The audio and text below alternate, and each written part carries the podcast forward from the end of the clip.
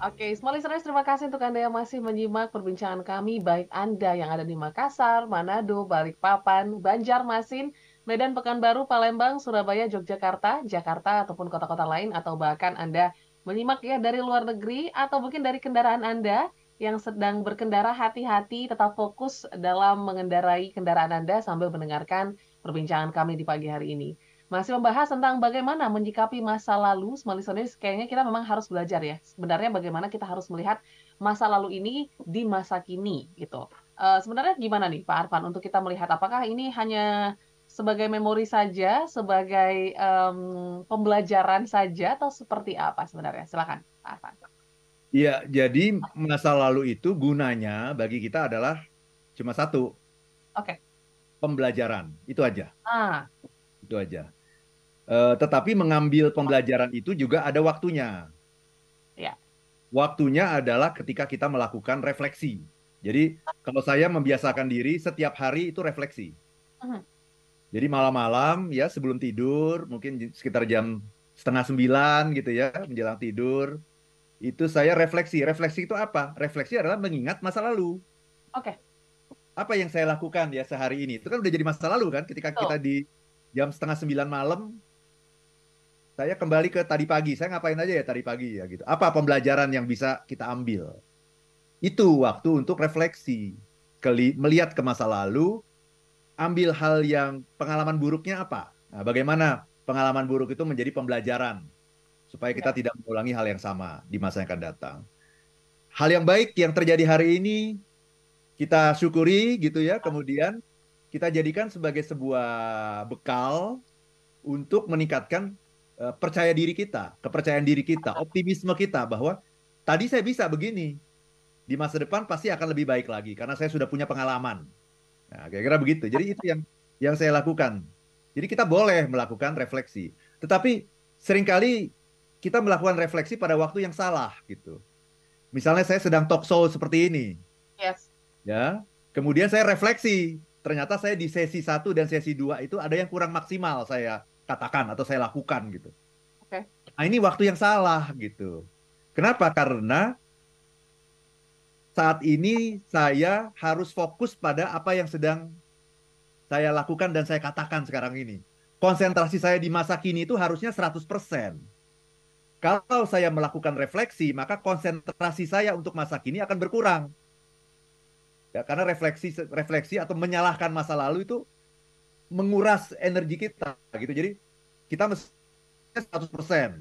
Tapi saya mikirin, oh tadi saya mestinya ngomong begini di sesi satu. Oh sesi dua juga saya ada kesalahan. Hmm. Nah itu akhirnya konsentrasi saya ke masa kini hanya 50%. Karena 50% lagi diambil oleh masa lalu. Nah karena saya konsentrasi ke apa yang sedang saya lakukan ini hanya 50%, maka saya membuat banyak kesalahan baru. Ya. yang akhirnya akan saya sesali lagi karena ini adalah pengalaman masa kini ini akan segera menjadi masa lalu gitu. Nah, konkretnya contoh yang lebih clearnya lagi begini, misalnya saya sama driver saya. Uh-huh. Ini saya punya driver ini yang sering salah jalan gitu. Oke. Okay. Saya dianugerahi oleh saya dianugerahi dengan seorang driver yang sering salah jalan gitu. Oke. Okay. Sering salah salah jalan sehingga kalau saya sedang jalan pergi ke mana tuh nggak nggak bisa sambil melakukan aktivitas di dalam mobil. Karena kalau saya jangankan saya bekerja di dalam mobil ya, saya WA-an sama seseorang saja itu akan membuat kita tersesat gitu. Ya. Okay. Apa yang terjadi? Misalnya kita mau pergi ke sebuah tempat gitu ya, sebuah tempat yang katakanlah uh, jaraknya, let's say 20 kilo. Saya mau pergi ke sebuah tempat yang jaraknya 20 kilo, ya. Kemudian di satu kilo atau dua kilo yang pertama salah jalan. Oke. Okay. Biasanya gimana tuh Audrey? Pasti cari putar balik ya untuk menemukan jalan yang baru ya? Mestinya kan begitu. Aha. Kalau kita mengatakan kita putar balik cari jalan yang baru, itu masa kini atau masa lalu? Masa kini. Masa kini, itu yang harus kita lakukan. Jadi full konsentrasi 100% untuk, oke okay, kita putar balik, kita cari jalan yang baru. Itu namanya masa kini. Tapi yang sering kali terjadi, ini terjadi pada diri saya juga ya. Oke. Okay. Jadi ketika salah jalan kan kemudian kita, kok kamu lewat situ? Bener nggak? Ya, betul kok kamu lewat situ gimana sih? Kan tadi saya sudah bilang kita harusnya lewat sini. Saya sudah bilang kita harusnya lewat A, jalan A. Kemudian saya WA-an karena saya pikir udah aman. Taunya dia lewat jalan B. Kemudian saya bilang, kamu kok lewat jalan sini? Gimana sih? Kamu mestinya lewat jalan situ. Kamu mestinya hati-hati dong. Kamu mestinya baca itu di bahkan di, di jalan tol saja dia bisa salah gitu. Okay. Misalnya ada jalan tol Jakarta, ada jalan tol Bogor. Kita mau ke yeah. Jakarta, tolnya masuknya ke Bogor. Bogor ya. Kamu baca dong di situ. Nah pertanyaannya, yang saya sedang katakan itu masa kini atau masa lalu? Masa lalu. Masa lalu. Ya. Oke. Okay. Ya betul, dia melakukan kesalahan. Akhirnya kita membuang banyak waktu. Akhirnya kita harus cari jalan untuk putar lagi keluar dari jalan tol lagi dan seterusnya dan seterusnya. Betul. Ya, tetapi ketika yang dan sebetulnya yang harusnya kita lakukan kan fokus di masa kini. Tapi karena saya kemudian merasa kesel, kok kamu salah ya? Ini gimana? Kita jadi telat nih gara-gara ini. Kenapa sih kamu bisa ngambil jalan yang ini? Kamu baca dong jalannya. Itu kan ada tulisannya. Hati-hati dong. Misal begitu ya. ya. Yang saya sedang omongin ini semuanya adalah masa lalu. Mhm. Padahal saya baru jalan 2 km untuk sebuah perjalanan 20 km. Maka mestinya kalau orang yang berfokus pada masa kini, dia akan bilang apa? Ya sudah. Udah terjadi ya. Udah terjadi. Jadi tarik napas gitu ya. Ya, apa boleh buat ya? Mau mau ya tapi sering kali kan hambatan kita kan kesel. Betul. Betul ya kesel itu kan sebetulnya pada sesuatu yang terjadi di masa lalu kan. Lima menit yang lalu dia salah kan tapi saya masih ngomongin itu sampai setengah jam ke depan saya masih ngomongin itu. Masih ngomel-ngomel sampai setengah jam ke depan gara-gara kamu nih jadi telat nih mestinya nggak begini. Mestinya harusnya kita udah nyampe ini sekarang. Padahal itu udah terjadi ya sudah gitu jadi yang diperlukan sebetulnya dalam hidup Audrey adalah mengikhlaskan gitu. Merelakan ya sudah, udah salah, udah nyasar kita ini. Tapi kita masih punya waktu. Tapi kita masih ada perjalanan 18 kilo lagi ke depan. Ya, ya sudah, fokuslah di 18 kilo. Jangan kita fokus ke 2 kilo yang udah nyasar ini. Nah, tapi sebagai manusia biasa, kadang-kadang kita terjerumus ke dalam yang 2 kilo udah nyasar nih karena kita merasa kesel, merasa tidak nyaman. Nah, gitu. Jadi memang tantangannya begitu. Hidup ini adalah tarik menarik antara masa lalu dengan masa kini. Pertanyaannya siapa yang akan menang? Kalau masa lalu yang menang, maka kita nggak jadi nggak jadi apa-apa. Kenapa? Karena kita nggak ngapa-ngapain di masa kini. Karena masa kini kita sudah tergrogoti oleh masa lalu. Jadi mestinya cari jalan kan, mestinya kita fokus nih. Oke, ya udah udah nyasar apa boleh buat sekarang? Masa kininya adalah saya harus cari jalan. Maka saya harus konsentrasi 100% untuk cari jalan. Tetapi karena saya masih ngomel-ngomel gitu, ini gimana sih? Kok kamu bisa nyasar sih? Aduh, tolong dong. Akhirnya masa kini saya digerogoti 50% oleh kekesalan-kekesalan yang terjadi di masa lalu. Padahal masa lalu itu sudah selesai, sudah berakhir, sudah finish, sudah mati. Nggak bisa diulang itu adalah sesuatu yang uncontrollable kalau kita bicara di masa lalu. Nah, kalau kita masih ulang-ulang, akhirnya kita frustrasi. Kenapa kita frustrasi? Karena kita tidak akan pernah bisa memperbaiki masa lalu. Yang bisa kita perbaiki adalah masa kini. Jadi ya sudah, sekarang kalau karena saya sudah memahami itu, maka ketika itu terjadi sekarang udah nggak ngomel-ngomel lagi. Yes. Ya udah, kamu udah salah. Ya sudah, gitu. tarik nafas. Ya sudah, kamu sudah salah. Oke, kita masih punya masa kini Let's yeah. fokus. Ayo cari jalan, ayo puter, ayo lihat Google Map, ayo, ayo, ayo semuanya. Sehingga 100% kita luangkan konsentrasi kita, fokus kita ke masa kini. Yes, oke. Okay. Ya contohnya, memang, contoh ya, real memang, gitu, gitu. Memang kadang kita selalu apa ya kasih makan ego kita ya untuk uh, meluapkan di momen tersebut gitu. Karena takut kelewatan ya Pak Arfan. Mungkin seperti itu atau seperti apa? Betul. Nah, karena kita nah niatnya sebetulnya baik gitu. Niatnya kamu harus belajar dong gitu. Ya kayak kalau saya ke driver saya ya. Kamu harus belajar dong. Kamu nggak boleh kayak gini. Tapi itulah yang saya bilang sebagai momen refleksi. Hmm. momen refleksi itu jangan di jalan. Okay. jangan waktu kita nyasar di jalan kemudian momen refleksi. Jangan. Itu akan semakin mengacaukan kita karena masa kini kita digerogoti oleh sesuatu yang sudah sudah terjadi. Udah selesai akhirnya jadi nggak konsentrasi. Tambah nyasar lagi. Maka nanti momen refleksi adalah ketika udah nyampe, gitu ya. Alhamdulillah perjalanan 20 kilo udah sampai. Ya, kemudian saya uh, punya acara di sana, acara sudah selesai, ya baru kita refleksi. Nah, lain kali yang harus kamu lakukan adalah ini, ini, ini. kita orientasinya langsung ke masa depan gitu. Tapi itu pun juga bukan sering kali orang yang namanya refleksi kemudian masih nyala-nyalain juga. Kamu sih oh. gitu ya. Jungkit nah, tiga itu, hari ya. itu nggak produktif gitu ya. Okay. Yang sudah ya sudah, let's bygone be bygone. Uh -huh. Gitu ya. aja. Ya. Ikhlas tadi ya kuncinya Ikhlaskan, Pak. ikhlaskan ya. Oke, dan uh, ini juga ada pertanyaan nih Pak Arfan uh, dari Pak Karmoses ya. Kita ya. baca ya. beberapa yang sudah masuk. Uh, pagi Pak Arfan, bagaimana kalau ada yang percaya dengan paham bahwa kehidupan sekarang adalah efek dari kehidupan masa lalu? Apakah ini relevan dengan cara menyikapi masa lalu itu? Bagaimana Pak Arfan? Ya memang, memang kita kan adalah produk dari masa lalu kan. Nah, sekarang kehidupannya sekarang ini pasti dipengaruhi oleh masa lalu. Tinggal pengaruhnya positif atau negatif yang menentukan kita. Karena tadi bahkan pengalaman yang menyenangkan sekalipun di masa lalu bisa menjadi sesuatu yang negatif di masa kini kalau kita hanya e, bernostalgia terhadap masa lalu. Gitu ya, hanya mengangan-angankan, mengenang saat-saat yang indah, tapi itu akhirnya membuat kita nggak bersyukur gitu. Wah dulu saya bisa begini begitu, sekarang saya nggak bisa lagi. Ya. Berarti apa? Saya tidak bersyukur kan? Saya melihat masa lalu sebagai masa yang indah dan masa kini saya nggak mendapatkan apa yang saya dapatkan di masa lalu. Berarti saya nggak bersyukur. Itu menjadi sesuatu yang negatif bahkan gitu. Itu. Tetapi pengalaman bahkan pengalaman yang negatif di masa lalu yang membuat saya kemudian introspeksi, saya belajar, saya dapat sebuah uh, istilahnya ini training yang mahal nih buat saya nih. Pengalaman ini pembelajarannya mahal banget nih. Nah, itu menjadi sesuatu yang berharga gitu di masa kini gitu. Jadi efek dari masa lalu ke masa sekarang itu bukan tergantung dari baik atau buruknya pengalaman kita di masa lalu, tetapi dari pinter tidaknya kita melakukan reframing terhadap pengalaman kita di masa lalu. Bahkan yang buruk sekalipun bisa jadi bagus kalau kita bisa membuat reframing terhadap apa yang terjadi, mengambil maknanya, mengambil intisari, mengambil pembelajarannya gitu. -hmm. Oke. Okay. Ya, semoga menjawab ya untuk Pak Karmoses. Terima kasih banyak. Dan setelah ini kita akan uh, bahas juga sedikit Pak Arfan ya uh, berkaitan dengan optimis gitu. Karena kan yes. kalau kita ngomongin tentang masa lalu, rasanya masa kini tuh optimismenya tuh jadi berkurang gitu ya. Uh, bahkan untuk masa depan, apalagi kalau kita punya pengalaman-pengalaman buruk. Seperti apa sebenarnya uh, pengaruh optimis ini? Nanti juga ada informasi spesial dari Pak Arfan. Jadi kita jeda saat, small listeners. Uh, masih kami tunggu juga respon Anda. Silakan di 0812 11 12 959. Kami kembali setelah yang satu ini.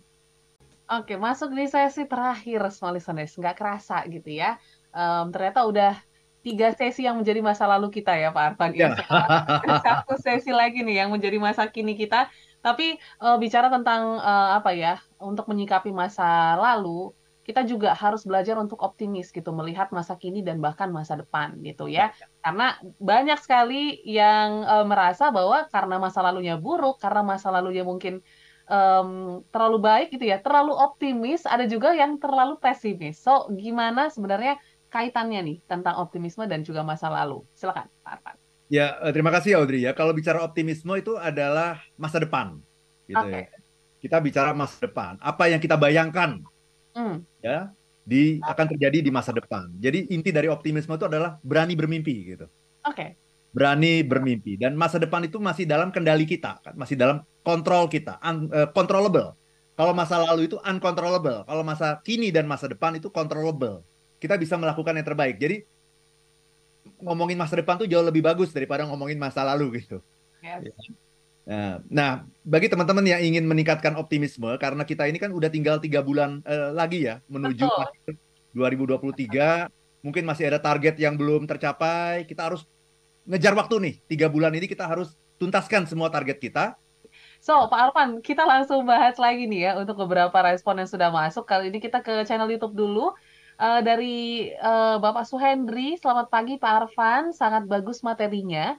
Tapi uh, saya punya pertanyaan katanya, bagaimana menumbuhkan pemaafan dari kesalahan masa lalu dari diri sendiri dan orang lain sehingga tidak membekas lama? Ini yang mungkin menjadi tantangan ya tadi. Kuncinya ya. tadi keikhlasan, tapi maafin itu memang sulit. Apalagi maafin diri sendiri, Pak Arfan. Silakan. Ya, kita pernah bahas uh, cukup uh, detail ya mengenai dua hal ini. Bagaimana memaafkan orang lain, bagaimana memaafkan diri sendiri. Kuncinya sebetulnya adalah mengikhlaskan, Audrey. Uh mhm. -huh Let go of the past gitu. Let go of the past. Masa lalu itu kan sudah selesai, sudah finish, sudah berakhir, sudah mati gitu. Diomongin apa pun kita tidak akan pernah bisa mengubah masa lalu. Bahkan ini yang bombastisnya ya, yang bombastisnya. Bahkan Tuhan pun tidak bisa mengubah masa lalu. Gitu. Jadi jangan berpretensi Anda mengubah masa lalu dengan cara apa? Masih diomongin terus. Ya sudah, kesalahan jadikan pembelajaran. Kesalahan diri sendiri jadikan pembelajaran. Kesalahan orang lain juga jadikan pembelajaran bagi Anda. Caranya gimana? Maafkan, memaafkan gitu ya. Jadi memaafkan itu apa sih? Memaafkan itu adalah cara kita untuk bisa hidup di masa kini. Uh-huh. Dengan cara mengikhlaskan apa yang sudah terjadi di masa lalu. Gitu. Okay. Okay. Itu Audrey. Dan untuk Pak Suhendri ya. Yes, terima kasih untuk Pak Suhendri. Selanjutnya ada respon dari Pak Hilmi Aunu um, itu yang saya rasakan hingga saat ini sehingga susah untuk bisa memaafkan tapi selalu berusaha Pak Arfan untuk mencari celah kebaikannya sehingga uh, lambat laun ya bisa bersyukur dan juga melupakan yang bersangkutan gitu ya. Nah, ini uh, menarik nih bicara tentang mengingat kebaikan. Apalagi kalau misalnya kita dalam posisi terluka nih ya sama masa lalu akibat mungkin omongan ataupun perilaku seseorang. Ini dengan cara mengingat-ingat Pak Arfan apakah bisa mengubah perasaan kita ataupun um, apa feeling kita gitu ya di masa kini kepada orang tersebut atau seperti apa? Bisa, tentu saja salah satu teknik memaafkan kan ingat-ingat kebaikannya kan. Nah, tetapi yang jauh lebih penting lagi sekarang begini dengan talkshow ini ya Audrey ya. Jadi mulai hari ini kita harus menumbuhkan kesadaran. Uh -huh. Kita lagi ngomong nih, apa pun yang kita omongin, apa pun yang kita keluhkan dalam hidup ini, coba Anda lihat yang sedang Anda omongin itu masa kini atau masa lalu, itu aja. Oke. Okay yang sedang kita omongin ini masa kini atau masa lalu. Kalau masa kini berarti you are on the right track. Uh-huh. Tapi kalau yang diomongin masa lalu berarti Anda sudah salah arah. Nah, kita harus tahu tandanya apa. Tanda bahwa kita sedang ngomongin masa lalu itu apa? Tandanya. Tandanya adalah kata-kata ini. Coba Anda lihat kata-kata Anda ya. Anda menyadari kata-kata Anda. Kalau kita suka ngomong, coba kalau. Ya. Itu masa lalu pasti. Coba kalau. Hmm. Seandainya saja kalau saja, mestinya begini. Ya. Coba kalau tadi, ini kalau kalau sama driver saya tadi ya, coba kamu tadi lewat tol. ya sudah dia udah nggak lewat tol ya gimana? Kena macet gitu. Coba kalau lewat tol kan nggak macet. Ya. Coba kamu lewat tol, mestinya kamu lewat tol dong. Gitu. Tapi kan itu udah terjadi, udah nggak bisa masuk tol lagi. Ya sudah nikmati saja, ikhlaskan ya sudah. Karena selama semakin kita me nyesali apa yang sudah terjadi satu menit dua menit yang lalu, semakin kita nggak fokus pada masa kini. Ya. Kita hanya bisa memberikan yang terbaik dalam hidup ini kalau kita fokus 100% pada masa kini. Tapi pertanyaannya, bisa nggak kita benar-benar fokus 100% pada masa kini? Mungkin sulit. Gitu ya. ya. Kalaupun ada pengaruh masa lalu, misalnya saya masih ada ke kekesalan juga gitu ya, ya biarkan kekesalan itu hanya mengisi pikiran Anda tuh hanya 10%, maksimal mungkin 20%. Sehingga 80%-nya itu masih fokus ke masa kini gitu. Itu Audrey, karena hidup ini betul-betul deh. Setiap waktu, setiap hari, setiap saat itu tarik-menarik. Masa kini sama masa lalu itu tarik tarik-tarikan. Dan tarikan dari masa lalu itu sangat besar gitu. Karena manusia itu tadi, manusia itu gampang ingat sama memori-memori yang tidak menyenangkan. Manusia itu nggak nggak gampang move on gitu. Sehingga kita akhirnya jadi uh, tidak konsentrasi menghadapi masa kini, hanya memberikan sedikit perhatian untuk masa kini, hmm. dan kita lupa bahwa masa kini ini sebentar lagi akan menjadi masa lalu. lalu yang kita sesali karena kita tidak memberikan perhatian penuh. Hmm. Itu. Oke, jadi kita harus uh, benar-benar ya memahami uh, bahwa kita sekarang itu hidup di masa kini dan jangan sampai masa kini ini menjadi penyesalan di masa lalu gitu ya. Uh, ini uh, apa statement yang cukup menarik itu dari Pak Arfan pagi hari ini. Tapi kita mau simpulkan juga nih Pak Arfan karena tersisa tiga menit lagi perbincangan kita di pagi hari ini. Bagaimana bagaimana menyikapi masa lalu. So apa yang harus di highlight, yang harus diingat supaya kita juga jangan mengingat-ingat nih satu menit yang lalu atau bahkan setengah menit yang lalu eh, sehingga mempengaruhi fokus kita ataupun kehadiran kita di masa kini. Silakan Pak Arfan. Ya ada dua hal ya yang boleh kita simpulkan di pagi hari ini. Nomor satu hati-hati dengan istilah masa lalu. Oke. Okay.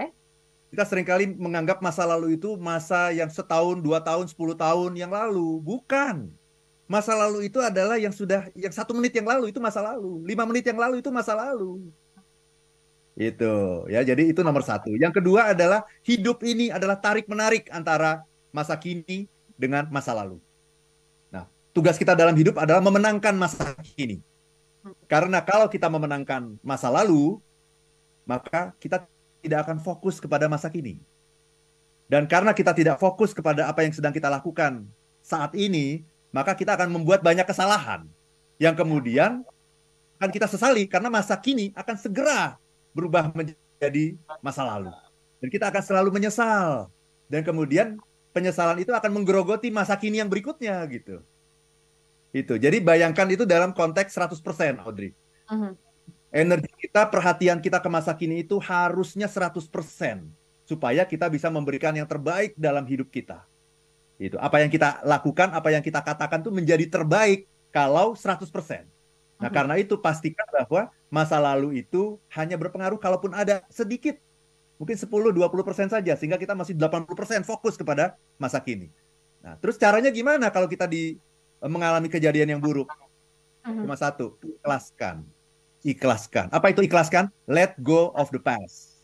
Ya sudah, dua kilo sudah nyasar, saya sudah dua kilo nyasar, ya sudah saya ya. masih punya 18 kilo yang masih harus saya tempuh dengan pikiran yang jernih, dengan hati yang terbuka, dengan hati yang damai gitu. Ya, ya sudah, ikhlaskan saja, maafkan saja. Mari kita putar balik, mari kita cari jalan yang benar. Ya, mhm. masa ini itu sesuatu yang controllable, yang masih bisa kita pengaruhi, yang masih bisa kita buat menjadi sesuatu yang indah buat kita. Ah, Oke. Okay. Yes, jadi semoga hari ini kita bisa menjalani masa kini dengan 100% fokus sehingga tidak ada penyesalan-penyesalan yang akan datang di kemudian hari, small listeners. Jangan jadikan uh, apa ya, kebiasaan ini menjadi satu siklus ya. Uh, akhirnya menyesal kembali dikarenakan kita kurang fokus akan masa kini. So, uh, semangat untuk beraktivitas pagi hari ini dan juga terima kasih banyak small listeners yang sudah berpartisipasi. Mohon maaf apabila kita tidak bisa bacakan semua respon Anda pagi hari ini karena keterbatasan waktu, tapi yang pasti semoga inspirasi pagi hari ini bisa membuat Anda menjadi pribadi yang lebih baik dan berkualitas. Kalau begitu kami pamit small listeners. Terima kasih Pak Arfan. Uh, saya Audrey Juana. Dan saya Arfan Pradiansyah. If you be happy, be happy. Happy. Now. Nah, sampai jumpa.